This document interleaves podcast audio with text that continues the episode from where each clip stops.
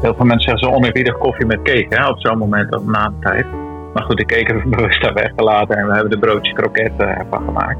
Ze luisterden die, uh, die ode op de terugweg. Uh, met al die herinneringen die mensen deelden. En het leek het gewoon net alsof je, je sluit het als het ware af van die periode. En dat is heel bijzonder. Welkom bij aflevering 4 van Ode. In deze aflevering blik ik via een videocall terug op de podcast die ik maakte na een uitvaart. Voordat we daarna gaan luisteren, doen we een klein stapje terug. In de vorige aflevering hoorde je hoe René, na mij, de eerste maker was die namens Ode een podcast opnam. Samen met haar sprak ik ook over mijn eerste meeting met Kees, de samenwerking die ik met hem aanging en de hulp die we in dat proces inschakelden. Die hulp kwam van Bas en de collega's binnen zijn bedrijf, dat creatievelingen helpt bij de zakelijke kant van ondernemen. Ze raakten zo enthousiast over het idee van Ode dat ze me in ruil voor hun hulp inschakelden een podcast te maken voor een medewerker die tien jaar in dienst was. Dat werd de eerste zakelijke Ode op hun kantoor in het najaar van 2021. De setting was totaal anders dan dat ik tot aan daar gewend was. Maar uiteindelijk was het net als een bruiloft of een verjaardag ook een groep dierbaren die samenkwam om iets te vieren. In het volgende fragment luister je naar Bas, Koos en Rick. Die praten over hun collega Rob. Uh, om bij jou te beginnen, want ik weet een klein beetje wie Koos is. Ik weet wie Bas is. Wie ben jij, Rick? Ik heb uh, een jaar of vijf bij Koos, met Koos gewerkt. En uh, kwam daar regelmatig binnenvallen met vragen. En bier en bonnetjes en artiesten en whatsoever. Bier, bonnetjes en artiesten. Klop je nog steeds wel eens aan bij... bij Zeker, ja. familie nog steeds. Koos? Yeah. Ik heb uh, van de week van, uh, van, van Bas gehoord dat jij een beetje friend of the firm bent. Familie is hij. Kun je, kun je vertellen wanneer je voor het eerst met Rob kennis maakte? Bewust was dat uh, Noorderslag. Ja, ja, dat, ja, zeker was Noorderslag dat ik echt ook vooral cent droge man. Heel veel humor zonder ooit zelf een grap te vertellen. ik heb altijd een, ja, een soort fascinatie gehad over Rob en zijn muzieksmaak en ja, zijn hij zou een stand-in kunnen zijn in, een, in de Office. En niet de Amerikaanse The Office, maar de Engelse Office. Een soort wingman van Ricky Gervais zou hij wel kunnen zijn. Het is een, uh, Waar zit die fascinatie dan precies in? Nou, dat, dat je heel erg hard om kan lachen. Niet uitlachen, maar gewoon... Hij is zichzelf constant, zonder uitspattingen. Hij is heel eerlijk. En, uh, en, en door zijn eerlijkheid komt, ja, komt er toch een soort van... Uh, liefde doorheen of zo. Dus hij, is, hij, hij, is, hij is ook heel erg trouw en werkt heel hard voor zijn eigen cliënten. En maar hij is ook selectief, hè? Want ik bedoel, grootste hipste gast van Amsterdam kwam hier high-fivend binnen voor Rob, die dan gewoon een beetje... beetje Wat ik altijd heel vet vind, is dat hij... Hij is... Uh, hij weet wel alles van iedereen en alles wat er gebeurt. Maar hij is ook een ontiegelijke fan van de muziek. Dus ik ken niemand die de New Music Friday zo strikt afloopt en alle albums wil bespreken. Precies dat, maar hij is dus ook, uh, hij is dus ook die guy die gewoon om kwart over vijf de trein pakt en dan een ene trappetje gaat bouwen. Ja, maar daarom. Het is, een soort, het is een soort contrast. Dus dat hij een soort van. Uh, hij kent al die organisaties ja, en al die mensen, maar tegelijkertijd doet hij ook al die dingen heel basic. Echt wel een soort uh, rots in de branding. Voor juist heel veel mensen die Um, dat helemaal niet zijn. Dus ja, ja, ja, hij is ook niet van uh, laat maar een toeval over en het komt wel goed en uh, al het andere. Nee, maar al die mensen voelen zich totaal veilig, ook omdat hij zo'n gehoekte gast is. het, komt, het, is echt letterlijk voor je gevoel als je binnenkomt de minst gestreste gast ooit. Dat is gewoon, en terwijl het super stressvol is natuurlijk. Maar... Ja, en hij staat ook wel onder druk. En waar jij bedoelt is dat hij dan, uh, daar liggen allemaal helemaal in de deuk. Omdat hij, hij is altijd relaxed en hij is altijd netjes en zo. Maar een paar keer gebeurt of zo is dat er dan om vijf voor vijf, als hij eigenlijk om kwart over vijf naar huis wil en hij moet iets afmaken dat er een printer kapot gaat. En dan wordt hij helemaal gek. Dat weet ik veel. Dat is, dan kwamen de mensen ook naar mijn kamer. Jongen, je moet nu horen. Ja. maar mensen die, die altijd zo zijn als Rob en die dan heel kwaad worden, dat is zo grappig. Ja. Dat is gewoon, ik vind dat mensen die uit hun rol vallen gewoon Dus hij is mega geduldig met heel veel onderwerpen waarvan wij dan een soort heel ongeduldig zouden worden. Ja, en waar dingen waarvan je zegt, nou daar ga je gewoon lekker van slapen. Daar, daar ligt hij dan waarschijnlijk wakker van. Rob is de enige man die uh, op Noorderslag na, laten we zeggen, vier uur s middags gewoon, nou ja, ik weet niet of het nuchter is, maar in ieder geval wel echt nog dedicated naar dingen gaat kijken. Ja, zeker. Dat, dat is altijd heel sick. Hij, gaat er, hij, ja, hij is de meest dedicated van ons allemaal. Nee. Op een woensdagmiddag in maart ontving ik een berichtje van Sjoerd. Hij had op Facebook gelezen over Ode En nadat zijn vader op te jonge leeftijd plots overleed, besprak hij met zijn broers Hessel en Kees de mogelijkheid om na de uitvaart een podcast op te nemen en zo een ode aan het leven van hun vader te brengen. De zaterdag erna was ik aanwezig bij de uitvaart in een prachtige kerk midden in een klein dorpje in Friesland. Na de dienst heb ik met een deel van de nabestaanden de ode opgenomen. In de voorbereiding voor deze publieke podcastreeks heb ik de drie zoons gevraagd of ik wellicht fragmenten uit de ode aan hun vader zou mogen laten horen. De broers waren het er begrijpelijk over eens dat ze dit liever privé wilden houden. Oudste broer Kees stuurde me enige tijd later via LinkedIn een berichtje. Hij had de eerste afleveringen van deze publieke podcast geluisterd en wilde graag vertellen over hoe de ode aan zijn vader hem had geholpen. We spraken af de videobellen en ik mocht het opnemen. Vanuit zijn woonplaats Berlijn, in het bijzijn van de puppy die hij en zijn verloofde Emma vernoemden naar vader Simon, sprak ik hem. Ja. Ja, ja. Dit is het. En hoe is het met de andere jongens? Die hebben beide nog een kleine erbij gekregen sinds maart. Dus daar gaat het hartstikke goed mee. Maar die zitten ook vol in de, in de luiers weer en alles. Maar ja, Ja, ja. Ja.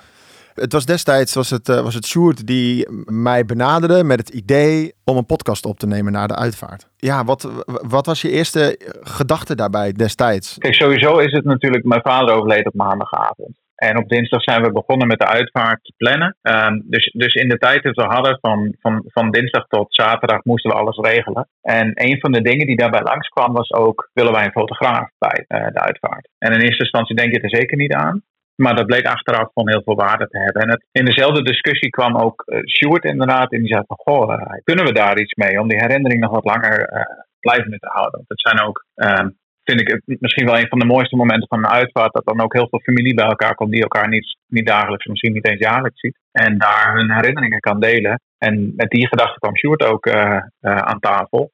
En hebben wij gewoon meteen gezegd van ja, laten we dat doen. Want jullie hadden wel een fotograaf uiteindelijk ook. Ja, klopt. Ik kan me voorstellen dat zo'n dag dat eigenlijk de details, de dingen die gebeuren, een beetje aan je voorbij gaan. Zijn er dan dingen die je ziet achteraf die je misschien niet eerder waren opgevallen? Nou, het is, het is meer dat wij kregen uiteindelijk een mapje met 96 foto's. En daarvan waren twee dusdanig goed. Die legden zo sterk de emotie vast van dat moment. En dan is die foto onbetaalbaar op dat moment. En dat was dan in dit geval een foto van ons drieën met onze partners. Waarbij Hessel op dat moment net een schepje zand op het graf legde. En die was perfect vastgelegd, waarin we allemaal onze eigen emotie ook toonden, zeg maar. Ja. En die andere foto? Uh, dat was meer een overzichtsfoto van de kerk zelf. Die eigenlijk gewoon liet zien van... oké, er zijn heel veel mensen hier naartoe gekomen om, om het afscheid van hem te begeleiden of te vieren. Of, of wat dan ook. En toen Ja. was de dienst klaar, verplaatsten we naar, de, naar de, het zalencentrum naast de kerk. Hoe, hebben jullie dat vanaf daar beleefd? En, en, en dan de, de Ah, ja, hoe noem je dat? Is het, dit, heel veel mensen zeggen zo oneerbiedig koffie met cake hè, op zo'n Ja. moment of na de tijd. Maar goed, de cake hebben we bewust daar weggelaten en we hebben de broodjes kroket eh, ervan gemaakt.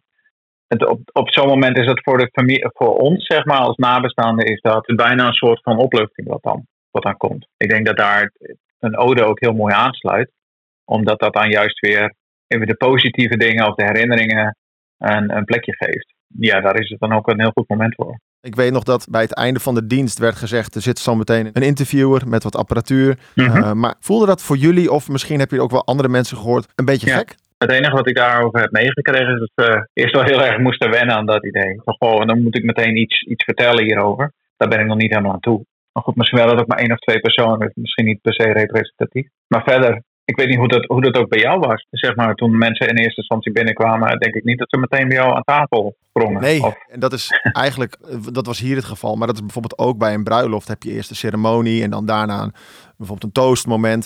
Dan kun je niet gelijk in gesprek gaan met mensen. Dus het altijd even, even afwachten. En, en dan probeer ik een beetje een, een vlieg op de muur te zijn. Niet te veel op te vallen, maar ook, ook weer wel te laten zien dat ik er ben. En ik, ik, Ja. ik vond het wel spannend ergens. En dat was ook omdat ik bij jullie helemaal niemand kende. Tenminste, ik had jullie natuurlijk van tevoren wel even kort gesproken. Maar ja, dat is rondom een uitvaart natuurlijk is dat zoveel gevoeliger. Ja, dus zeker. ik heb dat denk ik een half uurtje even laten ontstaan. En ik ben toen bij de, de schoondochters Ja. begonnen. Dus dat voelde voor mij een beetje van nou, dat is een, een, een, mooi begin. En Mhm. vanaf daar ja, werkt het vanuit mijn perspectief een- vergelijkbaar als op, op andere gelegenheden. En dat werkte uiteindelijk heel goed. We zijn, ik denk, tien dagen later teruggereden naar Berlijn. En tijdens die autorit hebben we jouw eerste cut eh, gehoord. Oh, sorry. Was dat de eerste keer dat jullie hem hoorden? Ja, dat was de eerste keer inderdaad. Ehm, En dat sloot, ja, dat sloot bepaalde dingen wel heel mooi af. Die woensdag dat wij uh, uiteindelijk terugreden, die week daarna. Ja, um, omdat we wat verder, verder weg wonen, uh, is het. Um, wij zijn niet thuis geweest tussendoor. En, en thuis is wel een beetje je veilige haven, zeg maar. Dan ben je even thuis en landt het allemaal even een beetje. En voor ons was het, of voor mij in ieder geval, was het nog niet zo geland in die tijd. En op dat moment, en dus we reden naar huis, we luisterden die, uh, die ode op de terugweg. Uh, met al die herinneringen die mensen deelden. Ik, ik geloof ook dat we met zonsondergang of zo terugkwamen rijden, precies. En, en leek het gewoon net alsof van, je, je sluit het als het ware af, zeg maar, die periode. En dat is heel bijzonder. Zeker. Richting het no normale leven misschien ook weer? Ja, een beetje wel. En uh, de, ja, de, ook de harde realiteit van bepaalde dingen. Ja, maar dan ergens, ja, dan sluit het boek zich ook een beetje. Zaten er dan dingen in de gesprekken die je bijvoorbeeld helemaal die jullie niet wisten? Uh, of... Ja, heel veel, zeker. Het zijn, het zijn vooral de verhalen van de broers en zussen die, uh, die dan indruk maken. Hij heeft een tijd niet zo lang niet zo goed contact gehad met zijn broers en zussen. En dan is de trotsheid die uit hun, die uit hun verhalen komt en de grapjes en de geintjes en de dingen. Ja, dat maakt, dat maakt zijn verhaal ook wat completer voor ons. En daarmee weet je ook dat je er niet alleen voor staat. En dat, dat, uh, dat was fijn om dat te horen. Ja. Mooi. En je vertelde in je berichtje aan mij op LinkedIn dat het je heeft geholpen ook bij het verwerken. Daar had je het net ook al een beetje over. Maar kun je, kun je daar misschien nog iets meer over vertellen? Wat dat voor jou of misschien ook voor, ja. voor je broers heeft gedaan? Nou, ik denk sowieso natuurlijk al dat wij met z'n drieën en met jou spraken. Als broers zijnde. Over wat, wat mijn vader deed, wat de dienst was voor ons voor die dag. En dat überhaupt open bespreken en uitspreken is iets wat Friese mensen niet zo snel doen. Uh, van die openheid in gevoelens en dat met elkaar kunnen delen. En daar was het al heel erg goed voor. Dus voor ons was het in die zin ook een, ook een soort van afsluiting en inderdaad ook een, een start van de verwerking met elkaar. Uh, want je bent natuurlijk heel intensief bezig in die dagen met elkaar en dat versterkt de band al. Uh, maar zo'n gesprek sloot het ook gewoon goed af. Mooi. Ja, ik vond het echt. Uh, ja. Nou, dat heb ik al wel eerder verteld. Ik vond het waanzinnig bijzonder ook om, om, er, om er destijds bij te zijn. En, en heel, heel, ja. heel nieuw, heel spannend. Maar ja, en je hoort vaak wel dat artiesten dan bijvoorbeeld zeggen: van, oh, Ik ben van tevoren heel zenuwachtig. En als ik dan één keer begin te zingen of zo, dan is dat helemaal ja. weg. Ik had dat hier ook heel erg. Je wil het toch ook gewoon goed doen. Dus dat was best wel heel erg spannend. Maar het was voor mij heel fijn om te merken dat het gewoon op dat moment willen mensen eigenlijk ook wel gewoon delen. Dat merkte ik bij jullie ook heel erg. Ja, even, ik kijk ook een beetje terug naar die podcast die ik heb geluisterd over het starten van ja. Ode. Wat haal jij hier voor jezelf uit aan voldoening? Ja. Als in, wat is de... Nou, uiteindelijk zit mijn voldoening um, erin dat ik, nou, als ik nu bijvoorbeeld met jou spreek en hoor wat het voor jullie heeft gedaan. Ik merkte op dat moment zelf al wel ja. van, oké, okay, dit, dit, dit zijn mooie gesprekken en ik, ik, ik kan me niet voorstellen dat het niet uh, heel dierbaar is voor, voor nabestaanden om, mm -hmm. om te hebben. Het voelt elke mm -hmm. keer weer alsof ik iets, iets tijdloos maak. Ja, nou ja de, wat, wat, wat voor voldoening kun je daar nou niet uithalen? Dat is, dit is, is echt. Het, het, is, het is, Absoluut. Het is, ik ben er, ben er stiekem, ja, ik ben er stiekem altijd een beetje jaloers op als ik, uh, als ik mensen zie die hun passie hebben gevonden, dat dat ook volgen. Er zijn altijd veel van die business coaches die me vragen: hey, wat is dan, waarom doe je dit dan? En ja. ik denk, ja, moet toch ook moet uiteindelijk ook mijn brood verdienen. Ja, ja. Um, ik ook natuurlijk. Maar ik merk ook bij mezelf, ja, ik, ik vind het vooral leuk om mensen te begeleiden en te zien ook hoe zij groeien. Ja. En vandaar ook dat mijn interesse naar jou ging van, goh, hoe heeft dit jouw bedrijf verder gevormd? Ja. Heeft het je een bepaalde uh, gedachte gegeven van dit doe ik niet meer of dit wil ik wel blijven doen? Nee, of? ik wil het ju juist wel blijven doen. Ja, uh, zeker. Ik spreek uh, natuurlijk heel veel mensen over Ode en wat ik doe. En, en mensen vragen me altijd, wat vond je, de, wat vond je de, de mooiste, de meest bijzondere? Nou ja. Eigenlijk is het best lastig om te kiezen, want ik ben op nog geen enkele plek geweest waarvan ik dacht, oké, okay, deze voelde ik niet. okay. Maar ik kom er eigenlijk toch wel steeds op terug dat ik juist de uitvaart bij jullie en een week eerder hm. bij uh, de vriendengroep van een jongen die was overleden. Het is niet zo, zo verdrietig ja. eindresultaat als dat je zou verwachten. Het is gewoon heel beladen, omdat de, nee, de, de, de persoon waar het over gaat er niet meer is. En, en dan voel je mm-hmm. ja, hoe je daar gewoon een, een, een hele dierbare bijdrage in kunt leveren. Los van het eindresultaat, maar ook in de aanloop daar naartoe.